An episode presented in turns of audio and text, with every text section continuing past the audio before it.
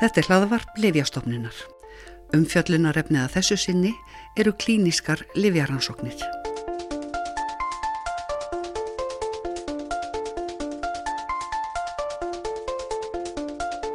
Í tengslu við COVID-19 faraldurinn hefur heist talað um að klíniskar livjaransóknir séu að hefjast eða þegar hafnar, rannsóknir á einhverjum livjum og bóluefnum.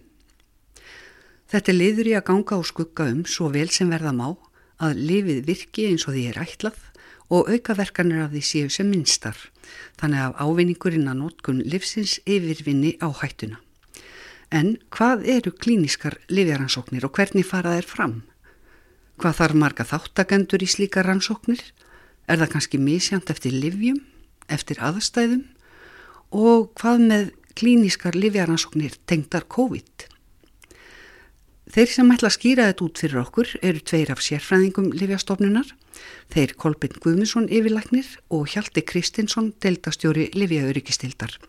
En það er svo deild Livjastofnunar sem heldur utanum það sem snýra þessum rannsóknum hér á landi. En fyrst Kolbinn, rannsóknir og klíniskar rannsóknir. Hvað þýðir þetta klíniskar? Orðið klíniskar rannsóknir þýðin fyrst og fremst að það er verið að rannsaka lifin í fólki og eh, ekki endilega bara sjúklingum. Þannig að eh, allar rannsóknir eh, áður, og líka áður en það verða klíniskar verið náttúrulega bara á einhverju hugmyndastígi og síðan tekur við svona rannsóknir sem eru meira í bara tilunaglösum og síðan í kjölfærið í tilunadýrum og þar líkur þessum svona sem að kalla er preklínisku rannsóknum Nú síðan maður skipta klínisku rannsóknunum í nokkra flokka og yfirleitt er byrjað á því sem er, alltaf byrjað á því sem er fasi 1 og það er að segja þegar verður þeir í fyrsta sinn að gefa eitthvað lif eh, mannesku, já, sjúk, og ekki endur að sjúklingi, það er bara eh, helbrið meðstaklingi eða sjúklingi, það fyrir svolítið eftir aðstæðum. Og uh, það er bara verið að skoða þólist þetta, koma einhverjar óvendar aukaverkanir ljós og uh, oftar en ekki er þessar ansóknir gefa þar kannski lít, litla hugmyndum hvort að lifi virkar eða ekki. Nú það þarf ofta að gera fleiri en eina slíkar ansókn en í kjölfarið á þeim ef að það er ganga vel þá er farið í það sem við kalla fasi 2 og þá eru það yfirleitt uh, sjúklingar þó það sé ekki alltaf. Og þá er verið að svona meira aðtuga virka lifið eins og við höldum? Er það að lækna einhverja sjúkdóma eða breyta einhverjum mælikvörðum í blóði eða eitthvað slíkt. Og þá er þetta uh, aðeins stærri rannsóknir með fleiri einstaklingum og þá er oft verið að uh, jafnvel að uh, bera þetta saman við lífleysu Nú og ef að þetta lofar góðu og engar óvandar upp á komir koma og, og, og virknin virðist vera til staðar þá er farið í fasa 3 og það er alltaf í sjúklingum mismörgum en oft þarf talsveðan fjölda til. Sérstaklega ef um algenga sjúkdómar að ræða þá eru við kannski að tala um rannsóknir sem að, eh, sem að er að meðhandla þúsundir eh, sjúklinga og jafnvel í mörg ár. Og jafnvel ekki nóg að gera eina slíka rannsókn. Það fyrir allt eftir því hversu svona dramatískar útkomur kom út úr þessu, hversu trúverðugar þar eru og, og hversu áhættan er með til mikil. Þetta er alltaf mat á því hvað er, hvað er áhættunar verði. Það má segja að engin liv séu algjörlega örug.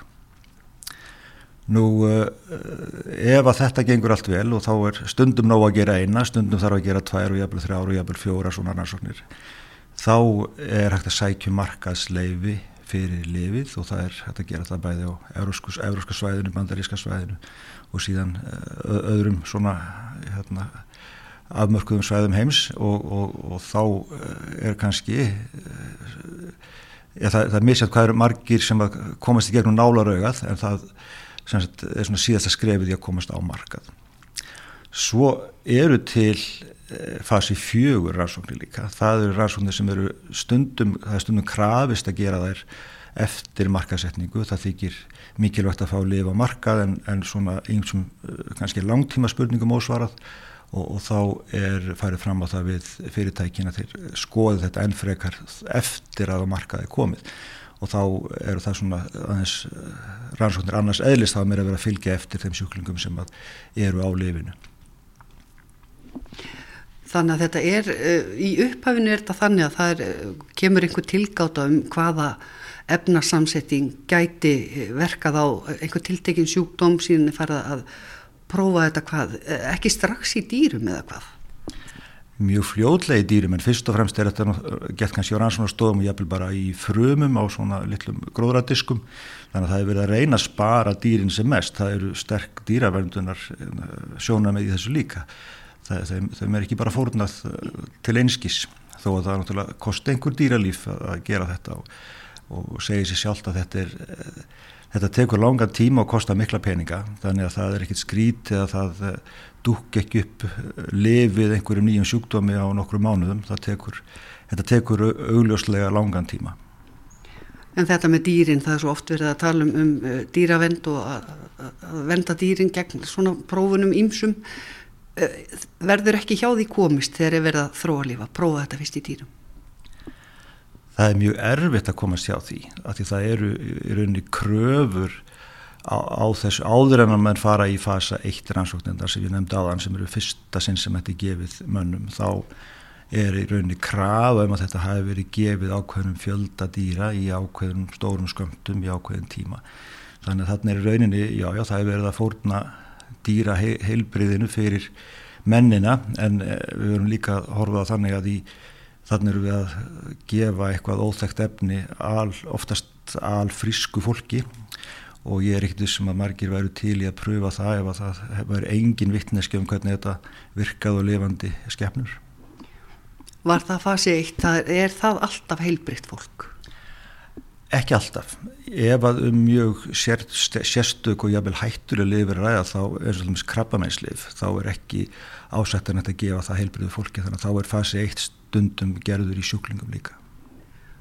En segir það eitthvað ef að, að heilbriðu fólki er gefið lif við einhverju sjúkdómi sem, að, sem sagt, það er ekki með, segir það eitthvað? Það segir rauninni ekki, oftast ekkert um virkni livsins en stundum er þetta að mæla hluti í blóði. Þú veit kannski að hérna Eh, búa til liv sem að hekkar eða lekkar blóðsíkur eða blóðþristing eða einhver önnur hormón kannski líkamannum þá er hægt að mæla þá breytingu í, í heilbröðum einstaklingum upp á þessu marki. En þú ert náttúrulega ekki að lekna reitt sjúkdóm hjá heilbröðum einstaklingi. En aðala er, er menn að skoða bara eh, er þetta örugt og þá er svona örugar að gera það í hraustum ungum einstaklingum oft háskóla stúdendum heldur en í, í gamalmönnum og sjúkrási Hvernig er þetta með sjálfbóðaliðana? Hvernig eh, eru þeir fengnir, þessir heilbriðu einstaklinga, hvernig eru þeir fengnir til að koma til að taka þátt í svona og eru menn viljir til þess? Það er náttúrulega engin nittur til þess og, og það er, viða er auglist eftir þessu.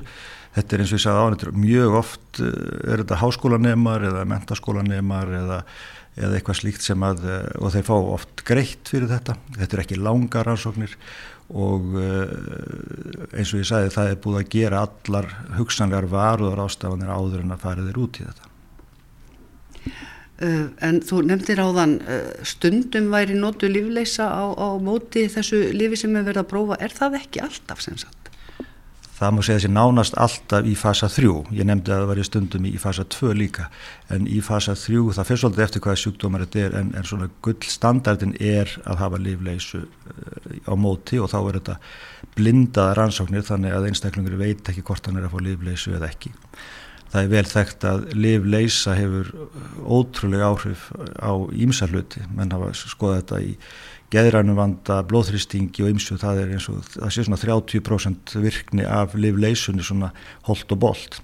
Þannig að það er mjög erfitt að gera rannsóknir trúverður rannsóknir á þess að hafa livleisu stundum eh, er, er kannski í staðin fyrir livleisu notað eitthvað annað liv sem menn er að skoða þá er það betra en, en gamla livið og þá er ekki alltaf notað livleisa en það er svona, það er svona reglan þegar hann hitta þessi livleisa þú segir blindarannsóknir og þá veit eh, sá sem er að taka lífið eða lífleysuna ekki hvort heldur er en svo er líka til eitthvað sem heitir tvíblindarannsóknir eða ekki? Það er yfirleitt átt við tvíblindar. Það er að segja hvorki læknirinn nýja sjúklingurinn veit á hverju hann er. Vegna þess að læknirinn getur líka haft áhrif á hvað honum finnst og, og svona hvernig hann drefur álættanir. En stundum er það ekki hægt og þá er það senda, praktískum ástæðum útlitt livsins, aukaverkanir livsins og slíkt. Þá er stundum bara læknirinn blindaður af því að það er ekki hægt að blinda sjúklingin. Eh, þannig að það er svona, en, en alltaf, það er alltaf reynd að gera þær eh, tvíblindar. En þetta með uh, heilbrygt fólk og, og hinbóin sjúklinga sem er verið að prófa að lifa á með bóluefni, þarf ekki alltaf að, að prófa það á heilbryðu fólki? Jú, það má segja það og það er þannig sem að bóluefni virkar í flestum tilfellum. Þannig að þá eru ræðsóðinar gerðar með svolítið öðrum hætti en það verður þá að uh, það, það getur verið svolítið snúið að það er voðalega erfitt að, að búa til bóluefni ef þú hefur ekki sjúkdómi til staðar og mann eh, lendu í þessum vandröðum eins og með e-bólu bóluefni að það er ekkit endilega víst að þó að þú sjáir mótefna svar í blóðinu að þú, að þú verndir gegn sjúkdómnum þó að það sé að viss ábendingum það. Og er, er það ekki komið í ljós?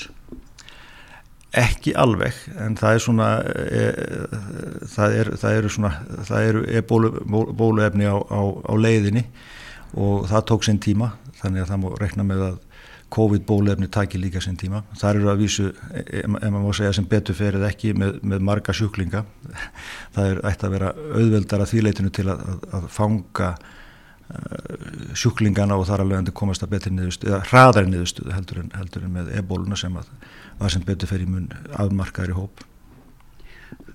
Nú eru nýjustu fréttir, samkvæmt nýjustu fréttum þá að vera að tala um að jafnvel verði komið á eitthvert bóluefna markað í haust, bara snemma í haust?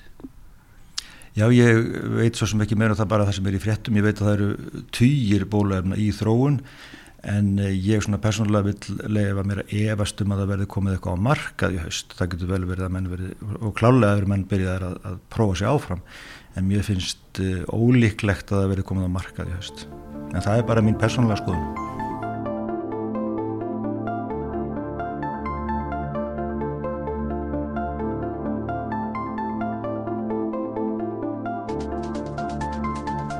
En, en svo eru, þetta er ekki alltaf nýlif sem er verið að prófa í, í hérna klíniskum rannsóknum. Það, það eru klíniska rannsóknur uh, varðandi COVID-19 á livjum sem hafa verið notuð í öðru skinni.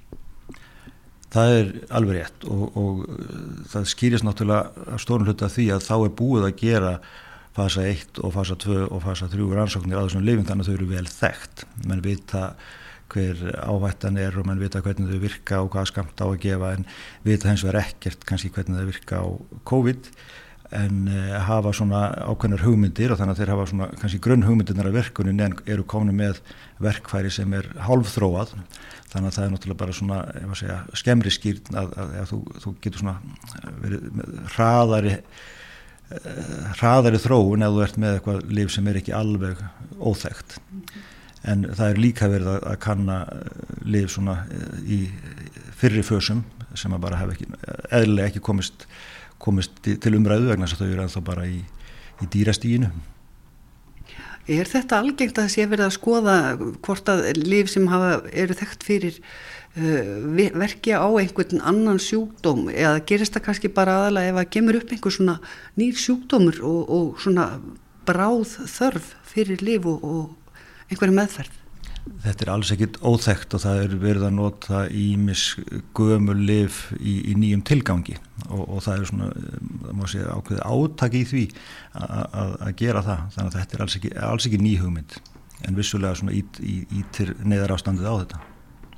Og þetta er þekkt eins og kannski með ebola þá varum við að prófa ímislegt eða hvað? Já, ímist á veiruleif sem voru til þó að veri gegn öðru, öðrum veirum á þetta líka við um, um til dæmis HIV? Já, mikið af þessum lifin sem verður að prófa e, eru um eitt úr HIV heiminum að þetta er, er búið að þróa fjöldan allan af, af veirulifum gegn HIV og, og einnig livrabólgu og, og það er svona verið að þá er þetta náttúrulega komin reynsla á veiru virknina en hún verðist að vera mjög sér, sértæk þannig að það, það, svona, það nýttist í, í þessum, þessari vinnu að, að hafa, hafa þau lif En þannig að þetta er, eh, það hefur verið að tala um að þessi koronaveira eh, sem veldur COVID-19, hún sé svona virðist vera hardskeittari og, og, og einhvern veginn óvennulegri heldur en að menn hafa átt að venjast. Já, hún er klálega öðruvísi og, og það er það sem er partur af vandamálunu vegna þess að hún, eh, það er kannski ekki bara veiran sjálf sem að veldur sjúkdónum heldur, hún kveikir svolítið í ónæmiskerfinu og það er ónæmiskerfi sem er að valda Eh, stórun hluta af vandamáli hjá þeim sem verða mjög veikir. Og þess vegna er svona, eru menn eh, svona tvístígandi með bóluefni að því að bóluefni ánáttúrulega örfa ónæmiskerfi líka. Að, að það eru það er verður að vera vissa fyrir því að bóluefni gerir hlutin ekki verri og eins eru mörg þessi liv sem við erum að skoða ekki veirulíf í rauninu heldur ónæmis bælandi liv sem að, sem að minga þá þessa ofsvörun líkamanns við, við síkingunni að, að ónæmiskerfi fer á einhverjum tíma hjá sumum á yfirsnúning reynilega. Það má segja það Já. og það, það er svona alvarlegustu sjúkdómsenginin. Ertu vongóður að, að verði til bóluefni? Já, ég held að það gerist nú einhver tíman og hérna vonandi fyrir en síðar. En, en þetta með uh, prófanirnar, þegar verða prófi dýrum og, og kannski gengur það vel og lofa góðu og, og farið er í fasa 1 og byrja að prófa í mannum eða það gengur ekki vel með dýrarannsóknunar þarf ofta að spóla mjög langt tilbaka til að fara að skoða einhverja nýja fletti Já, það þarf ofta að gera það og kannski aðalega það, það er oft sem að þessar rannsóknir stoppa bara vegna þess að það er annarkot virk ekki eða það er sína fram á einhverjar hættulegar aukaverkanir. Og það er kannski ekki nema svona 70% af dýratilurinnum sem enda í fasa 1 og kannski ekki nema 30-40% af þeim sem enda í fasa 2 og kannski ekki nema 10-15% af þeim sem enda í fasa 3 þannig að þetta er svona þetta er mjög þarna dýr bransi að þetta eðir gríðarlegum eh, peningum og tíma og, og hérna mannabla í að afla upplýsingar sem að síðan í bara fáum tilföllum endar á markaðnum Er til eitthvað meðaltala um það hvað hver endalega prósentan er? Ég sé óalega margar tölur, það fyrir svo þetta hvað maður byrjar að telja en, en það er, það er held ég svona, ef þú hugsaður þetta frá upphaflega hugmyndastíginu þá er það í einhverjum fáum prósentum talið sem að þær hugmyndir enda í apotekinu. Þannig að það kostar mikið og tekur langan tíma að þróa líf. Það gerir það, vissulega.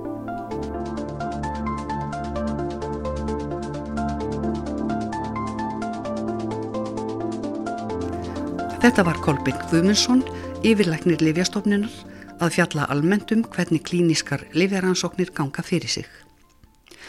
En svo er það rammin, hvernig haldið er utanum þessar rannsóknir og hvað þarf til svo að klínisk livjaransókn geti hafist. Hérlendis hefur Livjaurikistelt Livjastofnunar um sjón með umsóknum um slíka rannsóknir og eftirlit með þeim þegar þær eru hafnar. Hjalti Kristinsson er deildastjóri Livja Öryggistildar.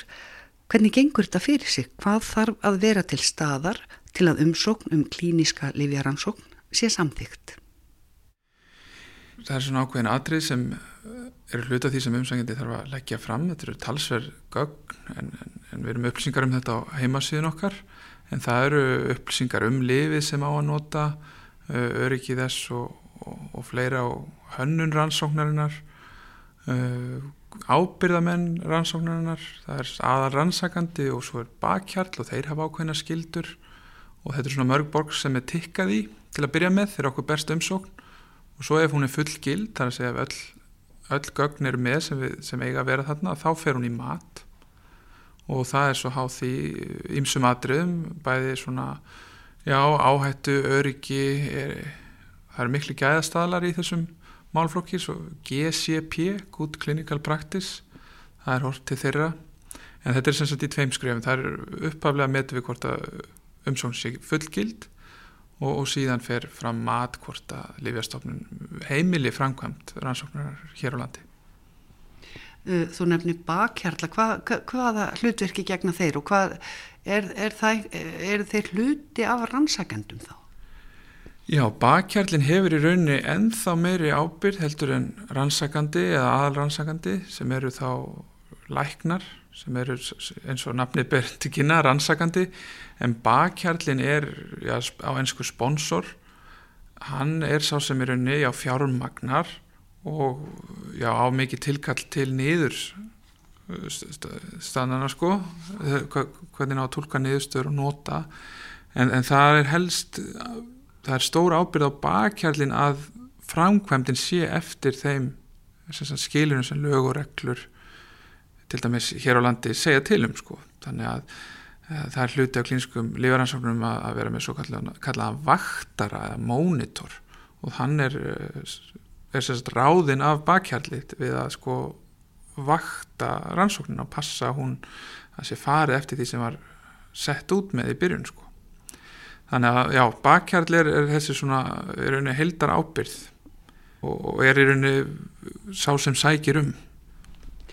Uh, nú lítur að vera krafist ákveðinar hæfni og þekkingar til að geta óskað eftir uh, klíniskri rannsókn. Hvaða, hvaða kröfur eru gerða til þeirra sem að sækja um Já, það, það er náttúrulega eitthvað mismunandi eftir í sko, hvaða var rannsaka og í hvaða fasa og annað en, en aðal rannsakandi og, og rannsakandi hér á landi, aðal rannsakandi hér, það, þeir þurfa að skila inn eh, CV og, og, og það er þá metið út frá bara því sem á að rannsaka og svo þurfa þeir að hafa sko, heimild frá sinni heilbriðstofnun til þess að mega framkvæmana, þannig að það er unni tvöfald mat eða þá framkvæmda á heilbriðstofnun eða sjúkrósi e, þannig að við komum til það að vera læknir og, og svo þannig að þekkinga á þessum gæðastöðlum og sína fram á það í, í sínu CV en, en það er kannski minni svona bein svona hæp, beint hæfnismat á bakhjarli. Það er meira svona já mismönd eftir að fyrirtæki eða það er meira skildur sem bara fylgja því ef þú færi svo rannsóknar samþykta og lífastofnum getur hvena sem er stöðvað og dreyði tilbaka heimil til að framkvæma klíniska liðaransókn ef eitthvað kemur upp á það, það er nú mjög sjálfgeft sem betur fyrr Er þetta yfirleitt heilbriðistofnunum eða sem sagt lækna sem starfa hjá heilbriðistofnunum sem að sækja um að vinna klíniska liðaransókn? Það, það er kannski oftast hannig eh, hér á landi en, en það er vissulega sagt, læknastofur sagt, læknar í ákveðinu sérgreinum sem eru með ja, sem dæmi húðlæknar eða annað eru, eru taka þátt í stórum alþjóðlegum lífaransónum og þá er einn armurinn framkvæmdur hér á landi. Það er heilmikið um það sem er bara mjög gott Er, það algengt að það séu svona alþjóðlega rannsóknir og, og, og Íslendika séu þáttakendur í slíku?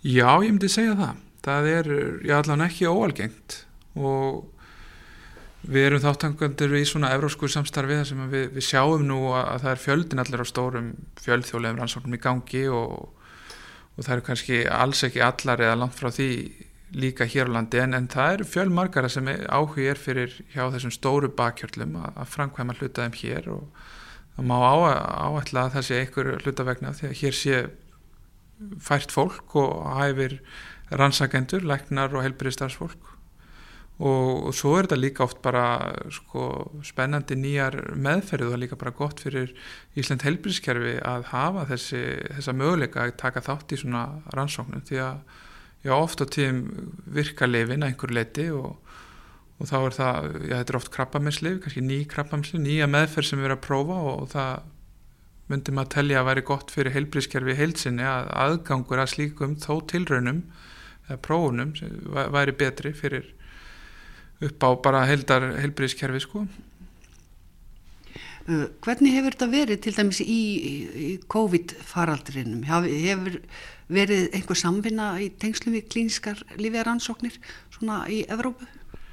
Já, við fengum að fylgjast mjög mikið með þess að við erum í svona evróskum hóp þar sem eru sko, starfsfólk evróskra lífastofnunar sem koma að þessu og það var mjög gott fyrir okkur að geta fylgst með hvað var í gangi að hér er náttúrulega lítill markaður og, og, og hérna kannski ekki margir sjúklingar þannig að stóru lifafyrirtækin, bakhjallarnir voru kannski ekki sérstaklega að horfa til Íslands til þess að fara í lifjaransóknir en það var þó alltaf möguleiki og, og við sáum og fengum að fylgjast með hvaða rannsóknir voru verið að sækja um í hinum Európlöndunum og vorum alltaf tilbúin ef að slíku umsókn myndi berast hér og gátum einnig upplýst uh, eh, lækna heilbriðstarfsfólk á, á landsbyglanum.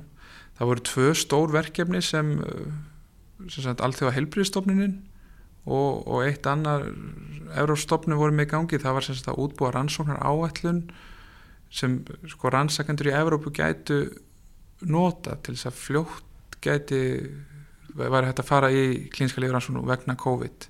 Það var mikið álaga á hérna európskum kollegum okkar sérstaklega í, í, á meðan að COVID stóð því að fjöldin allir af umsóknum um klíniska lífrannsóknir demdist inn og mikil pressa að afgriða þetta snögt en, en líka náttúrulega að passa upp á gæðin og lærdómsríkt fyrir okkur að geta fylgst með þó engin umsókn hafi búist hér. Þannig en þið tóku þátt í e, e, e, lífastofnun, lífiaurikistildin í að móta einhverjar reglur og, og einhver, flíti prógrunum kannski.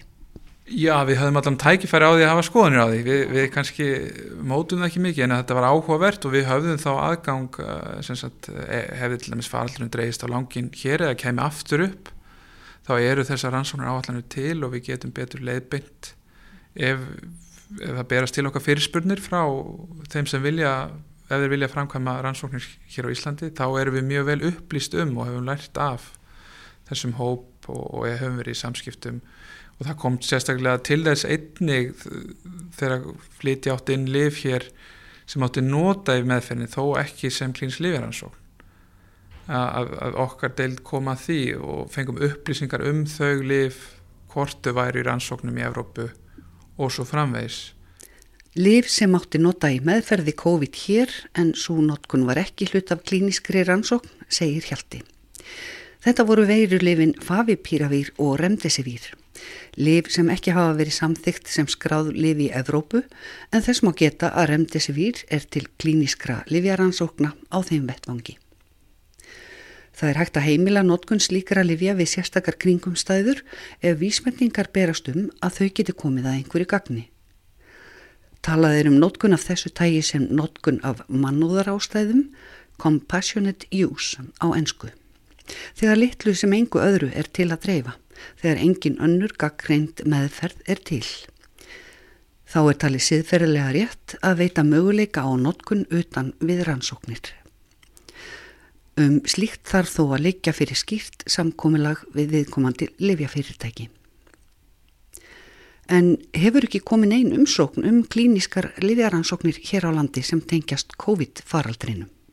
Nei, það hefur ekki hérna, borðið á því. Það voru einhverja umræður en ég held að einmitt það var náttúrulega mikið að gera hérna í upphafi faraldrins hjá þeim sem voru hvað líklegastir kannski til að koma að þessu. Mm sem, sem hefur áhrifið. Það var, var held í mögulegi að hugsanlega gera rannsóknir með annarkort þessari lifjar sem við nefndum en svo held ég að líka hafi haft áhrif hversu vel gekk að hérna fá kurvuna niður og, og, og fjöldi hérna sjúkra hér hafi kannski ekki verið nógu, nógu, nógu mikil sko til að fá þess, áhuga þess að alþjóðleru stóru bakkjærla.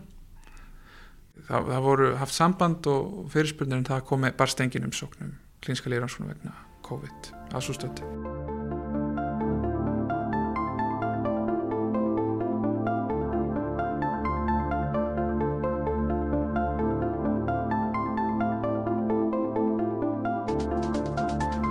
En, en svona almennt tala, hvað eh, berast margar umsóknir árlega um klíniska lífiðaransóknir hérna? Já, þetta, þetta sveiflast nú alltaf upp og niður. Ég hefndi segja kannski á bylnu 5 til 10-15, kannski getum lendi í, í ári en nú þegar komna alltaf margar. Og er þetta rannsóknir sem taka þá mjög langan tíma? Er þetta einhverja ára rannsóknir eða, eða skemmri? Já, það er öllu jöfnu margra ára sko rannsóknir talin hafinn þegar hún er, eða, hún er, sko, hún er samþygt og síðan hefst hún þegar fyrsti sjúklingurinn eh, er tekin inn í, í, í rannsóknina og uppfyllir eh, innskráningar skilir í rannsóknina. Og svo tekir oft tíma að fá upp fjölda sjúklingar sem uppfyllar skilirinn og svo er það í gangi í fleiri ár. Það, það er mismöndina kannski öll í jöfnum 4-6 ára minnstakosti er mísjönd hvað, hvað, hvað er gerð krafa um marga sjúklingar sem að þurfa að taka þátt? Fer það eftir lifinu eða, eða einhverju öðru? Já, það er mjög misjönd og það fyrir náttúrulega eftir lifinu og, og eða sem sagt og hvað verður einn að sína fram á. En það er þá sá sem ætlar að rannsaka eða bakhjart sem hefur oftast eitthvað markmið sem sagt og er búin að reikna það út eða gera áallanir hvað hann, hann býst við mögulegum ávinningi af lifinu nú ef hann býst við litlum ávinningi miða við hann er kannski að bera saman við einhverja meðferð sem þegar til staðar þá þarf hann mjög marga sjúklinga og það er ofta þessar fjöldþjóðlegur ansóknir með sérstaklega svona blóðfittur, það er algengt að þú þarf mjög marga, þú ert kannski að sína fram á uh, þetta er fjórða, fymta kynnslóðin af svona livjum og þú vilt sína fram á þetta er ennþá betra en fjórða kynnslóðin og þetta er náttúrulega framför sko en þá þarftu mikinn fjölda til þess að þetta veri tölfræðilega margtækt. Svo horfur þetta öðruvísi við ef að þetta er kannski rannsókn á einhverju sem er já, engin meðferð til og, og hérna þú ert að sína fram á áhrif með að við livleysu þá, þá kannski horfur þetta öðruvísi við. Svo eru klíniska lífaransóknir sem eru líka uh, til að sína fram á lifsjöu jafngóð, það er að segja sameta lífaransóknir líftækni lífaransóknir þá eru annað markmið og þá þarf kannski ekki alveg sama fjölda Hva, svo mikið fjölda ert að tala um þegar þú ert að tala um já ekki svo mikið fjölda? Já, ég er kannski að tala um að við erum með kannski minni akademiska rannsóknir þá eru við kannski niður í 10-20 sjúklinga ekki, ekki fleiri sko. Og við sjálfgæfum sjúkdómum en síðan erum við að tala um kannski sjúklingafjölda í, í, í stóri fjöldþjóðli rannsókn þó kannski sé ekkit endlega rosastór hér á landi. Þá er kannski 20.000 eða upp í 100 sko þáttangendur í heiminum. Þannig að það er rosamunur á, á því sko. Og, og það hlýtur að þurfa að upplýsa viðkomandi sjúkling mjög ídalega um, um út á hvað það gengur og, og hversi áhætta, hversi ávinningur væntanlegur uh, upp á það að viðkomandi vilji taka þátt í þessu.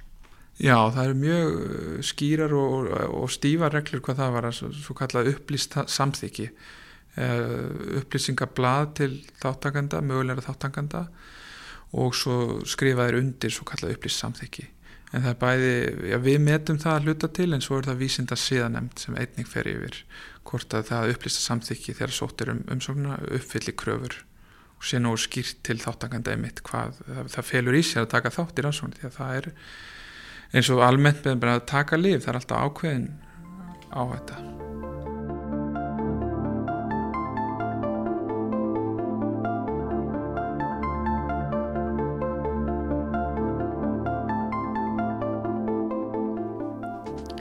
Þetta var Hjalti Kristinsson, deildastjóri Livjaurikistildar og áður heyrðum við í Kolbeini Guðmusinni yfirleikni, báðir sérfræðingar hér á Livjastofnun.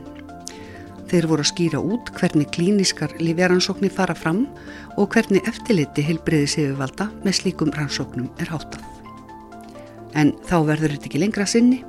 Takk fyrir að hlusta á hlaðvarp Livjastofnunar.